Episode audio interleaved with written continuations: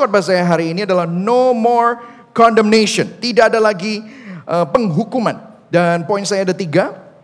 In Christ there is no condemnation, tidak ada penghukuman di dalam Kristus. Yang kedua, in Christ there is a new affection, ada kasih yang baru di dalam Kristus. Yang ketiga, in Christ there is a new status, ada status yang baru di dalam Kristus. Nah, minggu lalu kita belajar Roma 7 dan minggu ini kita akan belajar Roma 8.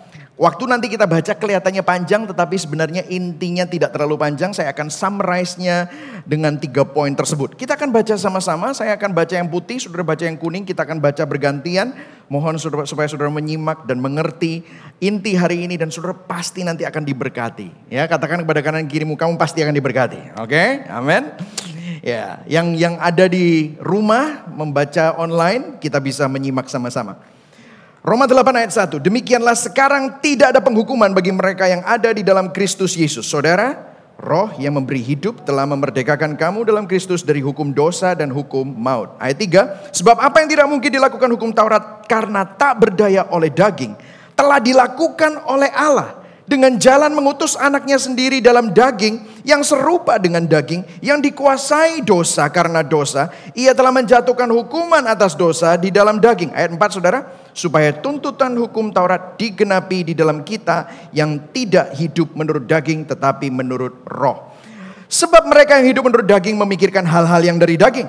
Mereka yang hidup menurut roh memikirkan hal-hal yang dari roh. Ayat 6. Karena keinginan daging adalah maut, tetapi keinginan roh adalah hidup dan damai sejahtera. Sebab keinginan daging adalah perseteruan terhadap Allah, karena ia tidak takluk kepada hukum Allah. Hal ini memang tidak mungkin baginya. Ayat 8 saudara, mereka yang hidup dalam daging tidak mungkin berkenan kepada Allah. Ayat 9, tetapi kamu tidak hidup dalam daging, melainkan dalam roh. Jika memang roh Allah diam di dalam kamu, tetapi jika orang tidak memiliki roh Kristus, ia bukan milik Kristus. Ayat 10 saudara, tetapi jika Kristus ada di dalam kamu, maka tubuh memang mati karena dosa. Tetapi roh adalah kehidupan oleh karena kebenaran. Dan jika roh dia yang telah membangkitkan Yesus dari antara orang mati diam di dalam kamu, maka ia yang telah membangkitkan Kristus Yesus dari antara orang mati akan menghidupkan juga tubuhmu yang fana itu oleh rohnya yang diam di dalam kamu. 12 saudara. Jadi saudara-saudara kita adalah orang berhutang tetapi bukan kepada daging supaya hidup menurut daging. Sebab jika kamu hidup menurut daging, kamu akan mati. Tetapi jika oleh roh kamu mematikan perbuatan-perbuatan tubuhmu, kamu akan hidup. Ayat 14, semua orang yang dipimpin roh Allah adalah anak Allah. Sebab kamu tidak menerima roh perbudakan yang membuat kamu menjadi takut lagi. Tetapi kamu telah menerima roh yang menjadikan kamu anak Allah. Oleh roh itu kita berseru, ya Aba, ya Bapa. Ayat 16, saudara. Roh itu bersaksi bersama-sama dengan roh kita bahwa kita adalah anak-anak Allah. Ayat 17 sama-sama kita baca. Dan jika kita adalah anak, maka kita juga adalah ahli waris. Maksudnya orang-orang yang berhak menerima janji-janji Allah yang akan menerimanya bersama-sama dengan Kristus. Yaitu jika kita menderita bersama-sama dengan dia, supaya kita dipermuliakan bersama-sama dengan dia. Berbagai orang yang mendengar firman Tuhan, memelihara dalam hatinya, dan melakukan dalam hidupnya. Mari sama-sama kita berdoa sebentar. Bapak, biarlah hambamu makin berkurang, Kristus makin bertambah, Injil diberitakan, hati kami semua diubahkan. Di dalam nama Bapa, Putra, dan Roh Kudus, dalam nama Tuhan Yesus. Yang percaya sama-sama katakan, amin. So saudara, no more condemnation. Nah kalau kita melihat minggu lalu kita sudah belajar bagaimana Rasul Paulus mempunyai intonasi nada dari surat Paulus di pasal yang ketujuh, Paulus sangat frustrasi. Dia bilang begini bahwa the law tells us what to do but does not give us the power to do it. Jadi hukum Taurat hanya memberitahu kita apa yang harus dilakukan, tetapi tidak memberi kita kemampuan untuk melakukannya. Minggu lalu kalau saudara masih ingat, Mr. Law itu hanya menuntut. Mr. Law tidak pernah membantu kita. Tetapi puji Tuhan, kita mendapatkan solusi yang luar biasa.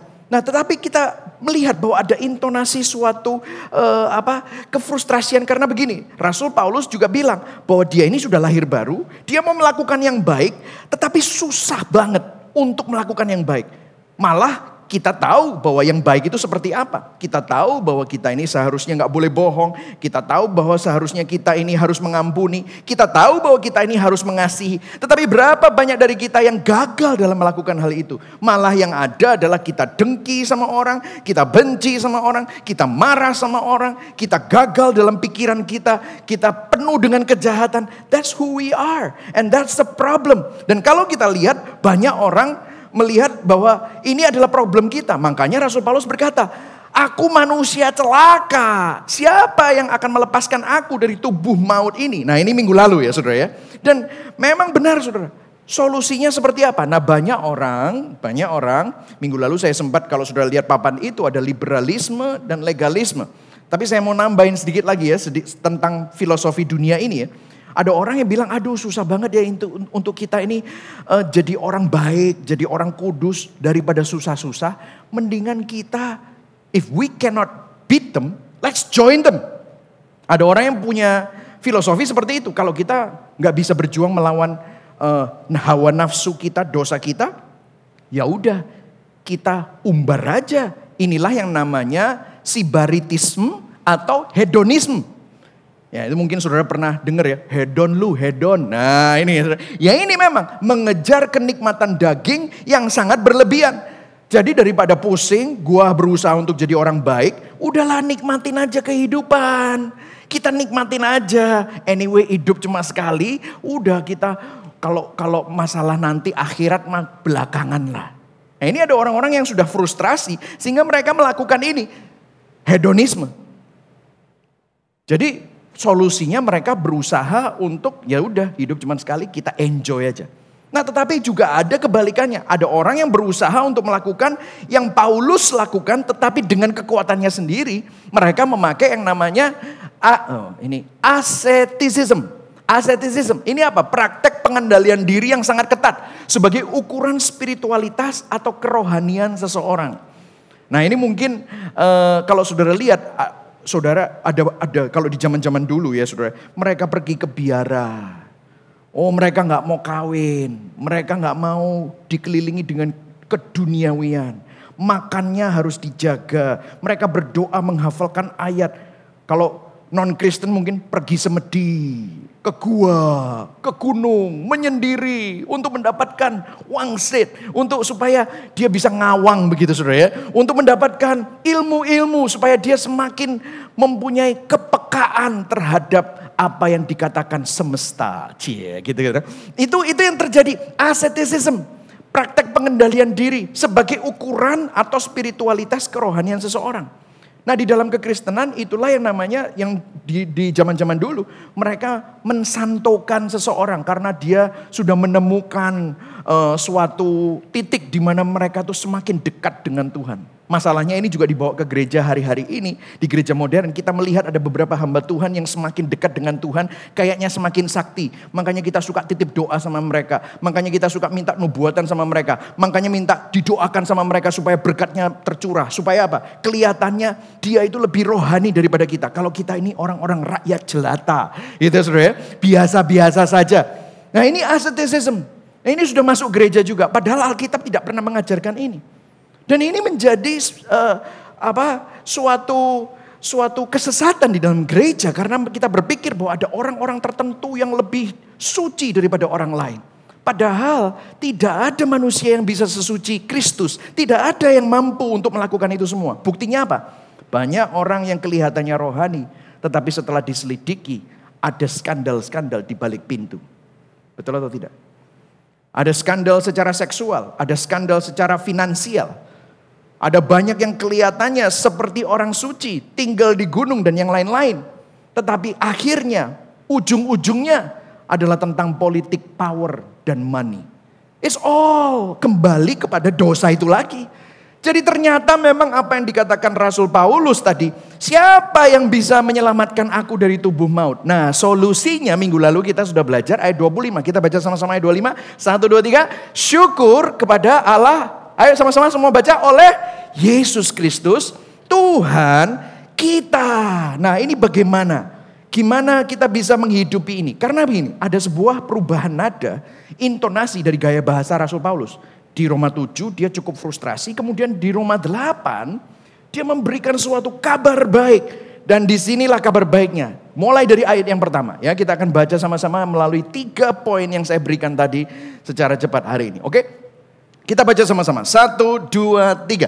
Demikianlah sekarang. Ayo sekali lagi diulang ya. Yang keras ya. Satu, dua, tiga. Demikianlah sekarang. Artinya ada perubahan. Dulu, dulu memang kamu itu ada terikat di bawah hukum dosa. Susah untuk jadi baik. Tetapi sekarang, terusnya tidak ada penghukuman. There is no more condemnation bagi mereka yang ada di dalam Kristus Yesus. Bahasa aslinya in Christ. Di dalam Kristus Yesus. Jadi ini masuk poin yang pertama. In Christ there is no condemnation. Tidak ada penghukuman di dalam Kristus. Nah, mengapa ini penting, Saudara? Mengapa ini penting? Nah, Saudara kita sering baca Yohanes 6 3 ayat 16. Yohanes 3 ayat 16 bunyinya seperti apa? Ayo, siapa yang masih ingat? Karena apa? Begitu besar kasih Allah akan dunia ini sehingga dia mengaruniakan anaknya yang tunggal supaya barang siapa yang percaya kepadanya tidak binasa melainkan beroleh hidup yang kekal. Nah, kita jarang baca ayat 17 sama ayat 18. Ayat 17-nya ngomong apa? Nah, lihat di sini. Sebab Allah mengutus anaknya ke dalam dunia bukan untuk menghakimi dunia, melainkan untuk menyelamatkannya oleh dia. Kemudian ayat 18, baca sama-sama ayat 18. 1, 2, 3. Barang siapa percaya kepadanya, ia tidak akan dihukum. Barang siapa tidak percaya, ia telah berada di bawah hukuman. Jadi memang begini loh saudara. Di luar Kristus, kita ini ada di bawah hukuman. Kenapa? Karena kita berdosa. Kita ini bukan berdosa dan disebut pendosa karena dosa kita. No, no, no. Kita ini pendosa dari lahir, makanya kita berdosa. Makanya kita ada di bawah hukuman. Saudara, makanya saya selalu bilang ya, Uh, saya ini kan banyak sekali kapal-kapal muda yang di konselingi gitu ya. Banyak sekali mereka punya anak kecil gitu ya. Saya ngobrol sama mereka masih bayi-bayi ya. Kemarin itu ada penyerahan anak ada sembilan bayi saudara. Ya kan kita ngomong, wah ini bayinya lahirnya kira-kira satu setengah tahun ini ya. Wah ini bayi corona gitu saudara. Ya bayi corona, oh lucu-lucu gitu saudara. Terus kemudian ada orang tua satu yang nyeletuk, waduh pastor memang lucu. Tapi waktu saya lihat bayi ini, bayi ini banyak dosanya loh pastor. Saya ngelihat dosa saya dan watak keras saya ini ada di bayi ini. Exactly. Dari bayi sudah ada itu watak-watak dosanya saudara dan saya di anak-anak kita. Jadi memang dari kecil kita ini ada di bawah hukuman. Ada suatu dorongan dari diri kita yang selalu membawa kita kepada dosa. Dan ini yang membuat kita merasa kita ini nggak bisa berubah, susah untuk berubah. Makanya suami istri kalau misalnya bertengkar kan gini, kalau saya konseling suami istri kan sering kali aku iki ya wis ngene iki. Kawin ambek aku soalnya salahmu gitu. Salahmu dewe gitu saudara. Salah, salah lu sendiri. Kenapa lu nikah sama gua gitu saudara ya. Ini untuk terjemahan supaya teman-teman yang nggak bisa bahasa Jawa online ya, mereka bisa ngerti gitu saudara ya. Jadi mereka bilang aku nggak bisa berubah. Siapa bilang? Nah hari ini kita akan bahas bagaimana perubahan itu bisa terjadi. Belum lagi hukuman itu bukan cuma hanya karena kita ada di bawah hukuman dosa, tetapi hati kita juga menuduh kita. Pikiran kita juga menuduh kita. Kalau kita jujur, itu ada guilt, perasaan bersalah. Shame, rasa malu. Guilt, perasaan bersalah itu karena apa yang telah pernah kita lakukan. Shame itu menunjukkan siapa kita sebenarnya. Saya tuh pernah ya, pas lagi nganggur-nganggur gitu ya, sudah selesai. Jarang sih nganggur-nganggur, tapi sudah selesai semua duduk gitu ya. Duduk terus sudah gitu, ada istri saya gitu, kita ngopi-ngopi gitu. Terus tiba-tiba saya diingatkan sesuatu yang memalukan dalam hidup saya. Yang saya jarang cerita sama siapa-siapa. Dan kalau bisa saya, aduh kok bisa sih aku kayak gitu, malu banget. Tiba-tiba saya ingat itu, nggak tahu kenapa. Terus habis itu saya lagi duduk diam-diam gitu saya. Terus istri saya, kamu itu lapo? kejang gitu. Aduh, eh, kenapa? Saya berusaha menghapus gitu. Kalau bahasa Jawa tak busa gitu. Aduh, kok kayak bisa ya? Ingat gitu ya. Ya saya nggak bisa cerita lah ya. Hal-hal yang memalukan gitu. Saudara kalau misalnya saudara mau jujur ya. Kalau ada TV di sini. Semua yang ada di dalam pikiran kita tuh kayak ada yang ngetik. Tek, tek, tek, tek, tek, tek. Mungkin gak usah pandemi, saudara di rumah terus pasti. Gak usah pandemi. Kenapa? Memalukan, betul atau tidak? Apa cuma saya yang kayak gitu? Saya gini-gini itu. Pernah gak saudara mengalami itu? Kok tiba-tiba ingat ya hal-hal yang memalukan dalam hidup saudara. Kesalahan-kesalahan yang saudara buat. Saudara kayaknya ngomong sesuatu dan saudara, oh mestinya aku gak ngomong kayak gitu. Aduh. Saudara melakukan sesuatu, aduh aku nyesel banget ngelakuin kayak gitu. Tapi sudah terjadi, nasi sudah jadi bubur. Dan saudara kalau ingat tuh malu banget. Pernah saudara kayak gitu? Ini suci-suci semua ya, nggak pernah ya saudara. Cuma saya toh yang pernah. Oh pendetanya lebih bejat daripada saudara ya, luar biasa ini ya. Ya memang nggak apa-apa, bukan tempat untuk orang sempurna, makanya yang paling nggak sempurna yang di atas ini ya saudara. Jujur ya, pernah ya saudara ya, pernah ya?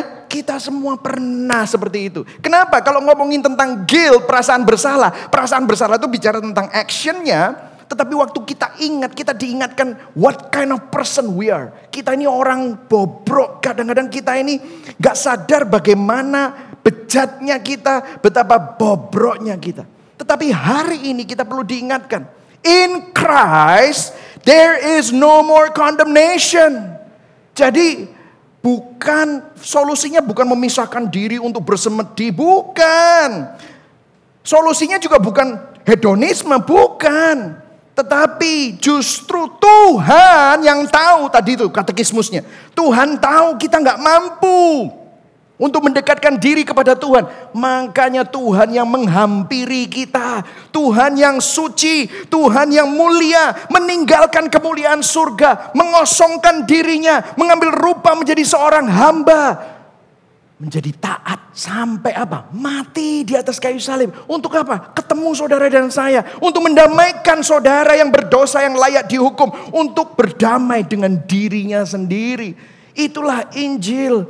Kan saudara dan saya tidak bisa datang kepada Tuhan. Makanya Tuhan yang datang dan hampiri kita supaya kita bisa dekat sama dia. In Christ there is no condemnation. Dan kemudian ya ayat 2-nya dikatakan begini. Roh yang memberi hidup telah memerdekakan kamu dalam Kristus dari hukum dosa dan hukum maut. Nah dia bilang ini, sebab apa yang tidak mungkin dilakukan hukum Taurat karena tak berdaya oleh daging. Minggu lalu kita udah belajar ya, hukum Taurat itu kan seperti Mr. Law. Hukum Taurat itu seperti cermin. Kalau sudah lihat cermin, kalau ada jerawat, cermin bisa nggak mencet jerawatmu? Nggak bisa kan? Kalau sudah lihat cermin, ada kumis, cewek-cewek ada kumis, ya nggak bisa nyukur, nggak bisa.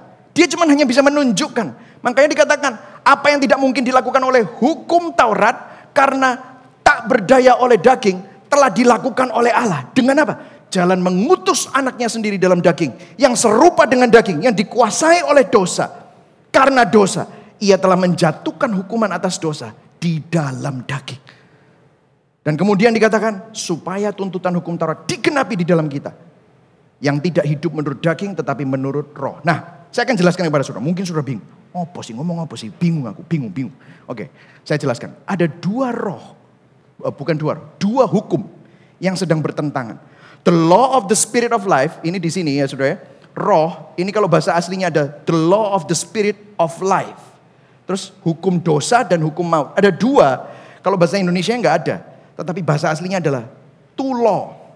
The law of the spirit of life mengalahkan The law of sin and death, hukum dosa dan maut. Apa maksudnya? Saya kasih ilustrasi. Oke, saya kasih ilustrasi. Nah, saya pakai buku saya sendiri, ya, Social Media is not real. Kalau sudah belum punya, boleh beli, saudara ya. Uh, kenapa kok saya pakai buku saya sendiri supaya supaya kalau pakai buku orang lain nanti saya dikira menghina dia atau kalau pakai Alkitab nanti viral nanti saya jadi penistaan agama meskipun saya pendeta jadi pakai bukunya sendiri kalau saya banting-banting nggak ada urusannya ya saudara ya. Nah kalau saya bawa buku ini kemudian saya lepas apa yang akan terjadi? Jatuh. Betul ya saudara? Nah jatuh. Apa yang terjadi ini? Ini hukum apa? Hukum gravitasi. Jadi kalau saya bawa buku ini, saya lepas, pasti akan jatuh ke bawah. Saudara percaya atau tidak, ini namanya hukum gravitasi. Saudara bilang, aku nggak percaya hukum gravitasi. Monggo, boleh dicoba. Naik lantai dua. Coba loncat. Saudara ke atas atau ke bawah? Pasti ke bawah. Saudara nggak percaya atau enggak? itu sudah terjadi.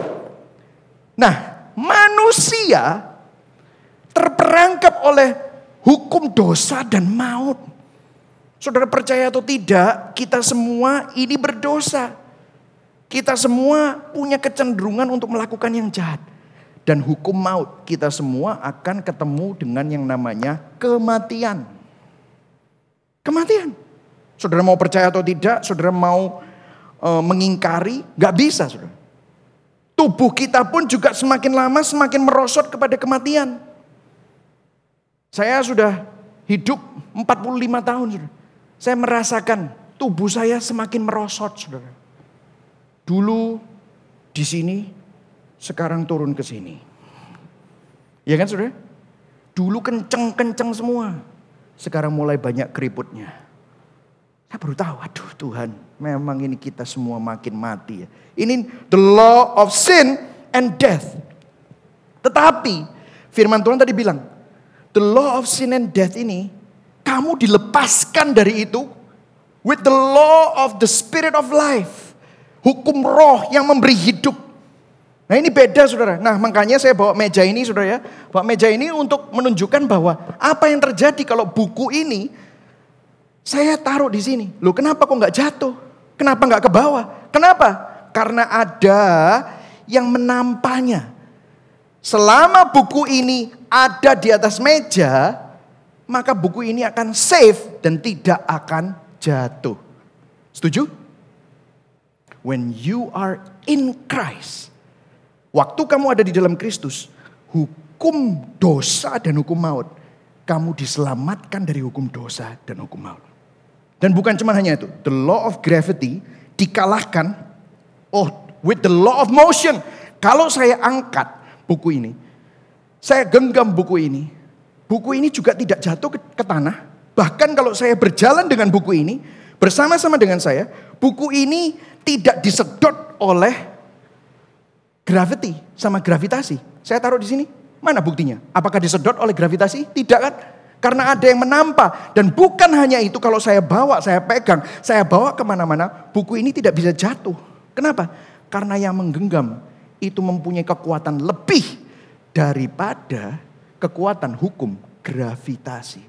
Nah, saudara dan saya ada di dalam Kristus. Katakan sama-sama, saya di dalam Kristus.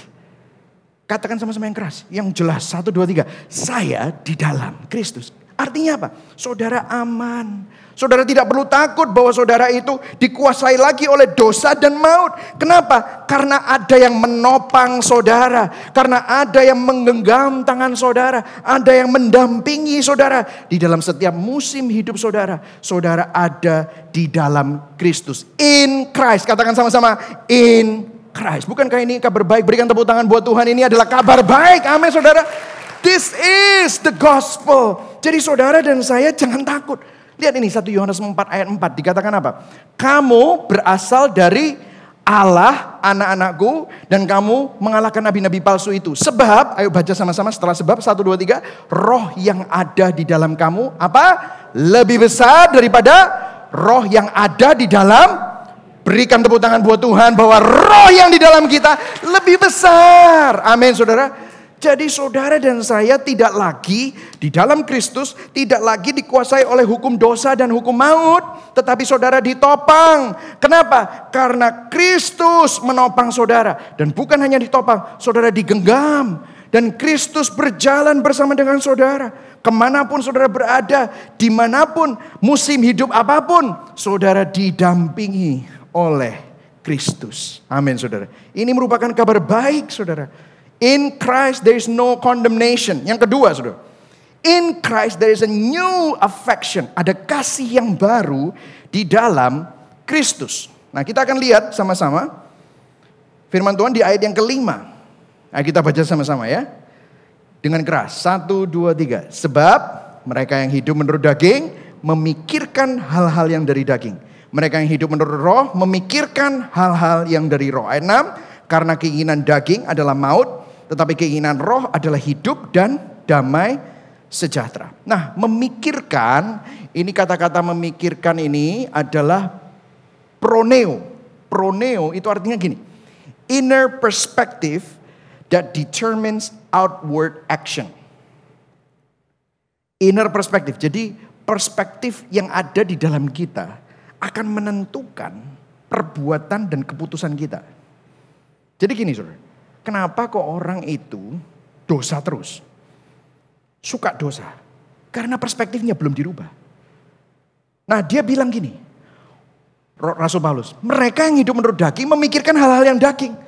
Mereka yang hidup menurut roh memikirkan hal-hal yang dari roh. Jadi ada perbedaan. Dan dikatakan keinginan daging adalah maut. Keinginan daging kalau nggak ada Kristus, maut. Tetapi keinginan roh adalah hidup dan damai sejahtera. Orang yang ditopang Kristus, orang yang digenggam Kristus, itu memiliki kehidupan dan memiliki damai sejahtera. Nah, jadi ada dua yang dikontraskan ini. Hal-hal yang dari daging dan hal-hal yang dari roh. Kalau hal-hal yang dari daging itu keinginan daging, hal-hal yang dari roh, keinginan roh. Nah saudara mungkin, saudara lihat ya, apa maksudnya keinginan daging? Saudara kenapa kok kita itu suka banget berdosa? Karena apa? Jujur, jujur. Kita ini memang senang dosa. Kita ini memang senangnya adalah hal-hal yang duniawi. Ya, hawa nafsu, kita ini semua senangnya itu. Nah saya akan memberikan saudara sedikit ilustrasi. Nah hari ini banyak ilustrasinya, tadi ilustrasi ini. Nah saya akan berikan ilustrasi kepada saudara yaitu manusia itu terdiri dari dua bagian. Tubuh dan jiwa. Nah di dalam jiwa ini adalah pikiran, ada roh. Tubuh dan jiwa. Di dalam jiwa ini adalah pikiran dan roh. Nah ini saya bagi tiga saya tahu ada beberapa saudara yang mungkin mengerti hal ini. Saya tidak berdebat tentang trikotomi atau dikotomi. Saya sendiri pengaruh dikotomi. Kalau saudara nggak ngerti nggak apa-apa, nggak penting. Hidup sudah susah, nggak usah ditambahin lagi hal-hal yang susah gitu saudara ya. Ya dikotomi atau trikotomi saya nggak lagi berdebat itu, tetapi saya sedang for the sake untuk tujuan ilustrasi saya bagi tiga. Ada tubuh, ada pikiran, ada roh. Pikiran dan roh ini adalah jiwa, ya jiwa seseorang. Nah Sebelum lahir baru, sebelum lahir baru, sebelum saudara percaya Kristus, apa yang terjadi? Sebelum lahir baru, tubuh yang dominan. Nah, kalau saudara lihat, yang dominan ini adalah tubuh. Pikiran itu tunduk kepada keinginan tubuh, keinginan daging. Tunduk. Rohnya mati. Makanya waktu Adam dan Hawa dikasih tahu sama Tuhan, jangan makan pengetahuan baik dan pengetahuan buruk, buah pengetahuan baik dan pengetahuan buruk, kamu akan mati. Mereka nggak mati secara tubuh langsung. Tetapi mereka yang mati apa? Spiritually dead. Secara rohani mereka mati. Makanya yang jadi bos, orang yang ada di dalam hukum dosa dan maut, yang jadi bos ini adalah tubuhnya. Tubuhnya. Makanya kita ini punya hawa nafsu, hasrat, kedagingan, kemarahan, seksualitas, itu semua daging. Berapa banyak di sini kalau nggak makan BT? Betul ya saudara? Nggak usah lihat sana sini, nggak usah lihat depan aja. Ya, kalau nggak makan kudu ngamuk. ya saudara ya. Saudara, makanya orang bilang katanya kebutuhan biologis seksual. Kalau tidak dipenuhi, aku bisa mati. Padahal orang nggak have sex juga nggak apa-apa. Kebutuhan itu adalah makan, minum gitu ya. Orang kalau tanpa seks itu bisa hidup, tetapi itu menjadi kebutuhan seksual. Wah, kenapa? Wah, ini darah kita panas. Kenapa? Semuanya diikuti adalah nafsu, hawa nafsu, tubuh. Tubuh yang jadi bosnya. Nah saudara, saya kasih ilustrasi lagi. Kita punya, uh, setahun ini kita punya pet ya, anjing. Namanya Pinat. Oh gitu ya. Aduh lucu banget Pinat itu ya. Kalau saya sudah tetet masuk rumah gitu ya. Terus saya buka pintu itu, wah dia sudah nungguin di depan gitu ya. Wah begitu saya datang, wah langsung saya dijilati, saya di oh, rangkul-rangkul, dijilat-jilat gitu ya saudara. Tetapi hebat-hebatnya, sehebat-hebatnya Pinat, kita sangat mengasihi dia, semua sayang dia. Tetapi memang harus diakui, Pinat Anjing toy poodle itu dikontrol oleh tubuhnya dan dagingnya. Kenapa? Pinat ini kerjaannya makan, kencing, pup, hamping. Tahu hamping? Tidak tahu hamping. Tidak ada anjing lain. Tetapi yang dikawini itu loh bantal. Bantal dinjot-njot terus. Terus habis itu kalau kita sudah umur satu tahun sudah. Sudah umur satu tahun berarti umur tujuh tahun. Waduh ini kecil-kecil kok nafsunya besar sekali sih. Dan tiap kali kalau dia sudah mulai jot-jotin bantal semua kita ayo langsung dia takut. Wah gitu ya sudah ya. Ya. Jadi dia makan, pipis, kencing, main, hamping. Terus habis itu minta dilus-lus, dusel-dusel, minta dilus-lus. That's it. Dan kadang-kadang dia sudah diajarin untuk kencing di padnya, pup di padnya. Dia miss. Dia ada beberapa tempat yang dia selalu kencing di sana. Saya pernah coba ngomong sama dia. Pinat, kamu ini sudah besar. Nggak boleh kencing di tempat sembarangan tempat. Saya nginjek-nginjek kencingnya. Duh, nyebelin kamu. Bisa nggak saya ajain ngomong kayak gitu? Gak punya dia sense of moral, mempunyai hasrat untuk punya cita-cita jadi orang yang kencing, tidak sembarangan. Tidak ada, saudara. Pinat ya, kalau mau kencing ya dia kencing. Karena kebiasaannya kencing di beberapa tempat, ya dia kencingnya di situ. Kenapa? Dia diprogram hidupnya, gak punya roh. Rohnya mati. Dia cuma hanya didorong oleh animal instinct. Makanya ya, orang-orang yang percaya evolusi, ya kelihatannya pinter banget ya tetapi sebenarnya sangat bodoh. Kenapa? Menyamakan diri dengan binatang. Makanya kita dibilang semua uh, advanced animal. Saudara mau dibilang animal? Saudara mau dibilang hewan? Hewan itu tidak punya hasrat untuk memiliki hasrat. Tidak ada. Wah aku kepingin punya cita-cita. Tidak ada. Dia tidak punya yang namanya moralitas. Tidak ada. Dia begitu lihat uh, tikus langsung dimakan, dibunuh. Dan itu dibilang normal. Manusia coba bisa melakukan itu? Gak bisa. Yang kuat menindas yang lemah. Dibilang HAM. Hak asasi manusia yang dilanggar. Beda saudara. Makanya manusia sama binatang itu beda. Tetapi waktu kita itu dikuasai oleh tubuh. Memang benar kita ini mirip sekali dengan binatang. Kenapa? Coba lihat Roma 8 ayat 7 dibilang ayat 7. 1, 2, 3 kita baca sama-sama. Sebab keinginan daging adalah perseteruan terhadap Allah karena ia tidak takluk kepada hukum Allah. Hal ini memang tidak mungkin baginya. Mereka yang hidup dalam daging tidak mungkin berkenan kepada Allah. Bukan cuma hanya plausible, impossible. Gak mungkin. Makanya kalau tidak ada yang menopang, kalau tidak ada yang ngangkat, maka ini pasti akan jatuh. Makanya manusia tanpa Tuhan, tanpa Kristus, dia akan terperangkap dengan hukum dosa dan maut. Itulah keadaan kita. 1 Korintus 2 ayat 14 mendukung apa yang baru kita baca. Tetapi manusia duniawi tidak menerima apa yang berasal dari roh Allah. Dan hal itu baginya adalah suatu apa? Ayo baca sama-sama suatu apa? Kebodohan. Dan ia tidak dapat memahaminya.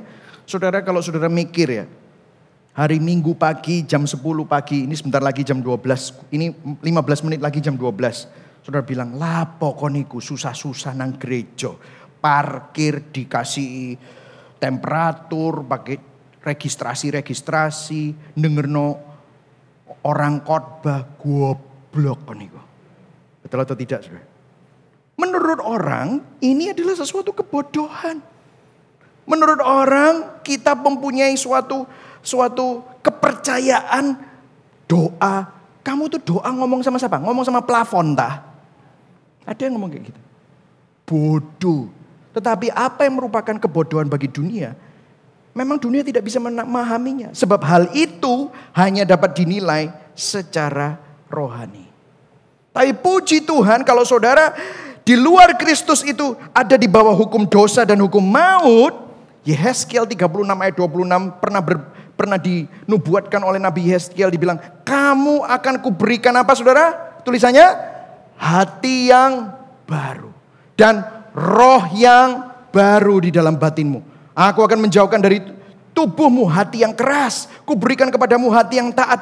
Bukan cuma saudara ditopang, supaya saudara nggak jatuh di dalam hukum dosa dan maut, tetapi saudara diangkat, saudara digenggam, saudara dibawa oleh Tuhan, tetapi di dalam hatimu kamu dikasih hati yang baru, roh yang baru, sehingga saudara kalau saudara melihat di dalam Kristus, waktu saudara lahir baru, lihat, yang jadi bos, yang dominan bukan lagi tubuh, yang dominan adalah roh. Karena roh kudus menghidupkan rohmu yang mati. Roh kudus sekarang menggenggam hidupmu. Roh Kudus sekarang menopang hidupmu. Roh Kudus sekarang bersama dengan engkau di mana pun engkau berada. Sehingga kamu diajar pikiranmu nggak harus nurut sama tubuhmu lagi. Pikiranmu bisa nurut oleh pimpinan roh kudus. Sehingga kalau kamu melakukan sesuatu yang baik. Bukan karena kamu terpaksa. Tetapi kamu menemukan suatu nilai cinta yang lebih tinggi dan lebih besar. In Christ there is a new affection. Ada kasih yang baru di dalam Kristus. Saudara saya kasih ilustrasi. Dulu sebelum saya ngerti tentang kopi. Ya saudara. Saya itu dulu senangnya minum kopi sasetan. Ini by the way ilustrasi ini tidak menghina orang yang suka minum kopi sacetan. Oke saudara ya kopi kapal api tah, white coffee lah. Kenapa? Buka air panas, diudek, minum langsung. Ya. Jadi saya dulu suka minum itu. Sampai satu hari saya diajakin sama teman saya yang antusias kopi. Saya dibawakan kopi bin Aceh Gayo. Wah, saya nggak ngerti. Padahal itu dari Indonesia. Tapi dia bilang Aceh Gayo ini bin yang termasuk yang terbaik. Terus sebelahnya dia tunjukkan kopi luwak. Waduh, dia bikinkan saya yang kopi luwak hitam, yang Aceh bin Gayo ini latte. Waktu saya minum, wah rasanya itu seperti wow enak banget ya. Enak ya. Kamu pernah nggak minum kopi kayak? Gak pernah, ini enak. Minum kopi luwak, uh ini enak. Enak sekali gitu. Bandingkan sama kopi saja. Wah jauh bro. Lah kamu selama ini minumnya sachet terus saya. Iyo. Kenapa dari dulu-dulu aku nggak tahu ini ya? Iya. Nah sekarang kalau saya ditawarin, bro mau kopi, kopi apa? Sachet. Eh uh, sorry, nggak wis. Wah sombong. Kenapa? Karena saya sudah tahu yang lebih enak itu seperti apa. Betul atau tidak? Saya nggak mau kembali kepada yang itu. Kenapa? Nggak ada yang lain, adanya itu. Wis gak wis, nggak apa-apa wis. Mendingan saya nggak minum wis, nggak minum kopi wis. Kenapa? Gak bisa. Karena yang ini jauh lebih tinggi nilainya. Enak. Bagus. Nah saudara, kenapa kok kita ini sukanya hal-hal yang dikasih dunia ini? Kenapa?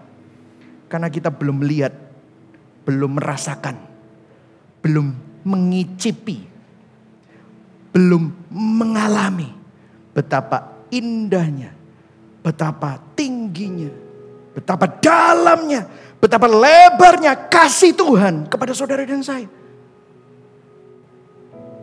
Ada banyak orang yang berusaha untuk mendapatkan penerimaan orang. Dia berusaha untuk spend money that he doesn't have, he or she. Dia berusaha untuk mendapatkan uang yang dia tidak miliki, makanya dia ngutang-ngutang untuk beli barang yang dia nggak bisa beli, untuk apa? Supaya dia bisa mendapatkan harga diri, supaya diterima sama orang-orang yang semestinya dia nggak suka, tetapi dia butuh penerimaan itu, dia butuh kasihnya orang-orang, dia butuh pendapatnya orang-orang, supaya dia dianggap, supaya dia dihargai. Hidup seperti itu, itu hidup yang mengenaskan, saudara. We spend money that we don't have, utang sana sini, kredit cardnya kelihatannya kaya, tapi semuanya utangan. Supaya apa? Dianggap orang Padahal orang itu juga nggak nggak begitu peduli sama kamu. Dan kamu juga nggak senang dengan mereka. Tapi kamu butuh itu. Karena dengan itu kamu merasa dirimu berharga. Wow.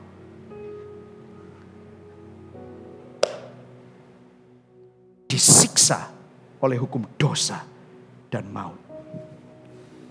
Mau apa-apa juga nggak bisa. Selalu tersiksa oleh apa yang dunia tawarkan. Tetapi firman Tuhan berkata, akan tetapi Allah menunjukkan kasihnya kepada kita. Dia mengirimkan Kristus dirinya sendiri untuk mati bagi kita, untuk menebus kita pada saat kamu, saya, kita semua masih berdosa. Layak nggak kita terima? Gak layak. Tetapi dia berikan kepada kita. Waktu kita melihat itu, gila ya. Ngapain gua kejar penghargaan manusia? Dia yang paling berharga. Rela meninggalkan keberhargaannya. Jadi hina. Supaya kita yang tidak berharga. Dia rela bayar harganya. Mati di atas kayu salib. Supaya kita yang gak ada harganya. Menjadi sangat berharga. Kalau saudara lihat itu. Gue gak mau minum kopi saja. Gue gak mau lagi hidup untuk dunia yang fana. Karena apa? Aku sudah temukan cinta yang paling mulia. Cinta yang lebih berharga daripada cinta yang dunia tawarkan. Yang setuju katakan amin. Inilah Injil saudara. In Christ there is a new affection. Pertanyaannya, apakah hidup kita dipimpin oleh Roh Kudus? Apakah hidup kita di dalam Kristus? Saya berdoa, biarlah Tuhan menata ulang hati kita. Supaya kasih kita, affection kita bukan hal-hal yang dunia lagi. Saya tahu kita butuh uang, kita butuh terobosan, kita butuh kesehatan. Saya tahu. Tetapi itu semua hanya necessity. Ada hal yang lebih tinggi yang Tuhan mau kita pegang. Ada hal yang lebih tinggi yang membawa hidupmu kepada makna yang sesungguhnya. Bukan hal-hal yang fana itu. Yang setuju katakan amin. Amin. Kita minta Tuhan menata ulang hati kita. Selanjutnya saudara, yang terakhir, yang terakhir. Semua orang yang dipimpin roh Allah adalah apa saudara? Apa saudara? Anak Allah. Sebab kamu tidak menerima roh perbudakan yang membuat kamu menjadi takut lagi. Tapi kamu telah menerima roh yang menjadikan kamu anak Allah. Oleh roh itu kita berseru, Ya Aba, Ya Bapa. Roh itu bersaksi bersama-sama dengan roh kita bahwa kita adalah anak-anak Allah. Jadi ada dua kontras. Ini hari ini penuh dengan kontras. Kontras yang satu adalah kita memiliki roh Allah yang membuat kita menjadi anak Allah. Dulu kita punya roh perbudakan yang membuat kita jadi budak dosa. Jadi basically kita itu dulu budak dosa kenapa? Karena di dalam kita ada roh perbudakan. Tetapi waktu kita lahir baru, bukan cuman hanya kita ditopang, bukan hanya saudara diangkat, digenggam, disertai, tetapi saudara dikasih roh Allah sehingga saudara menjadi anak anak Allah. In Christ, there is a new status. Ada status yang baru di dalam Kristus. Tadi di ayat 7 dikatakan apa? Kalau dulu kamu itu di dalam dunia, kamu suka sama hal-hal yang dunia, kamu itu musuh Allah. Dan memang kita musuh Allah. Tadi katekismusnya luar biasa sekali. Bahwa kita ini berdosa bukan berdosa kalau berdosa ya sama orang. Mungkin orang itu sakit hati, orang itu disakiti. Kita bukan berdosa kepada orang itu saja. Tapi for and foremost, yang paling tinggi, kita berdosa sama Tuhan. Kenapa? Kita ini berusaha untuk jadi Tuhan. Dan kita ini musuhnya Tuhan.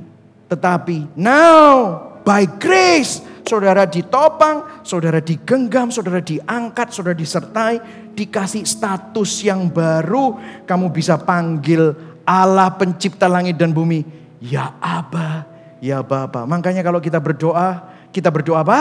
Bapa kami yang di surga. Bapa. Dear Heavenly Father. Saya nggak tahu ada banyak saudara yang mempunyai pengalaman yang buruk dengan papamu. Mungkin kau nggak punya papa yang baik. Tapi ingat, ada Papa di surga yang mengingat engkau. Yang menulis namamu di telapak tangannya yang bilang rancangan-rancanganku bukan rancangan kecelakaan. Tapi rancangan yang penuh dengan damai sejahtera dan pengharapan. Amin saudara. There is a new status. Status yang baru. Saudara dan saya tidak hidup sendirian. Saudara bersama-sama dengan Tuhan. Ayat yang terakhir. Ayat yang terakhir. Kita baca sama-sama. Roma 7 ayat 17. Dan jika kita adalah anak. Maka kita juga adalah ahli waris. Maksudnya orang-orang yang berhak menerima janji-janji Allah yang akan menerimanya bersama-sama dengan Kristus, yaitu jika kita menderita bersama-sama dengan dia. Supaya kita juga dipermuliakan bersama-sama dengan dia. Biasanya, dengarkan saya, biasanya orang berhenti di sini loh. Maksudnya adalah orang-orang yang berhak menerima janji-janji Allah karena kita adalah ahli waris yang akan menerimanya bersama-sama dengan Kristus. Stop di sini. Yaitunya jarang dibaca. Kenapa yaitunya jarang dibaca? Karena ada kata-kata gini, jika kita menderita bersama-sama dengan dia. Loh. Nah saudara ada seorang pendeta besar yang bilang bahwa kalau kamu tidak percaya sama teologi kemakmuran, kamu ini tolol. Wah, frontal sekali. Saya mau tanya sama pendeta itu. Loh, ayat ini loh. Jika kita menderita bersama-sama dengan dia. Maksudnya apa? Saudara saya mau kasih tahu kepada saudara. Waktu saudara ditopang oleh Kristus. Waktu saudara di, diangkat oleh Kristus dan dipegang oleh Kristus. Itu bukan berarti saudara bebas dari masalah. Lihat semua kesaksian tiap minggu. Semua orang itu mengalami masalah. Selama kita hidup di dalam dunia, hidup kita akan penuh dengan masalah. Tetapi perbedaannya dikatakan jika kita menderita, kita menderita bersama-sama dengan bersama-sama dengan siapa? Dia, bersama-sama dengan Kristus. Yesus pernah bilang di Yohanes 16 ayat 33, di dalam dunia kamu akan menderita. Baca aja. Yohanes 16 ayat 33. Di dalam dunia kamu akan menderita, tetapi tabahkanlah hatimu karena aku sudah mengalahkan dunia. Jadi di dalam penderitaan kita, saudara penderitaan itu saya bukan bilang gini, ayo cari penderitaan yuk kita sama-sama menderita. Ya bolehlah kita-kita yang suka gowes-gowes, suka gowes nanja, itu kan berarti kan kita menderita gara-gara, uh berat ya. Tetapi penderitaan dunia ini memang selalu-selalu ada. Besok saudara hari Senin kerja.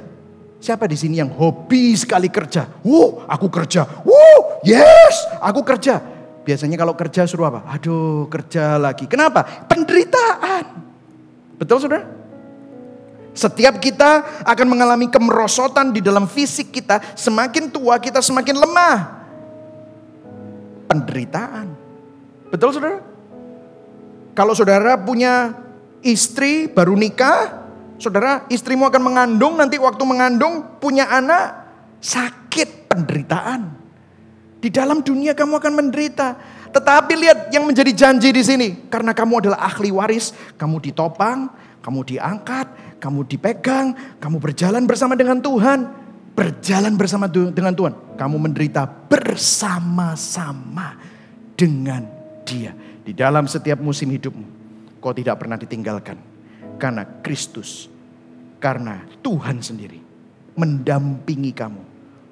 Ada sebuah quote yang mengatakan, Bukan kamu yang pegang tangan Tuhan, tetapi tangan Tuhan yang memegang tanganmu. Kalaupun kamu mau jatuh, kamu tidak akan tergeletak karena tangan Tuhan yang pegang kamu. Inilah Injil. Hari ini saudara, sudah diberkati hari ini? Amin saudara. Diingatkan, in Christ there is no condemnation. Tidak ada penghukuman di dalam Kristus. Katakan sama-sama, tidak ada penghukuman di dalam Kristus. In Christ there is a new affection. Kita katakan sama-sama, ada kasih yang baru di dalam Kristus. In Christ there is a new status. Ada status yang baru di dalam Kristus. Berikan tepuk tangan buat Tuhan Yesus. Amin saudara. Mari sama-sama kita bangkit berdiri.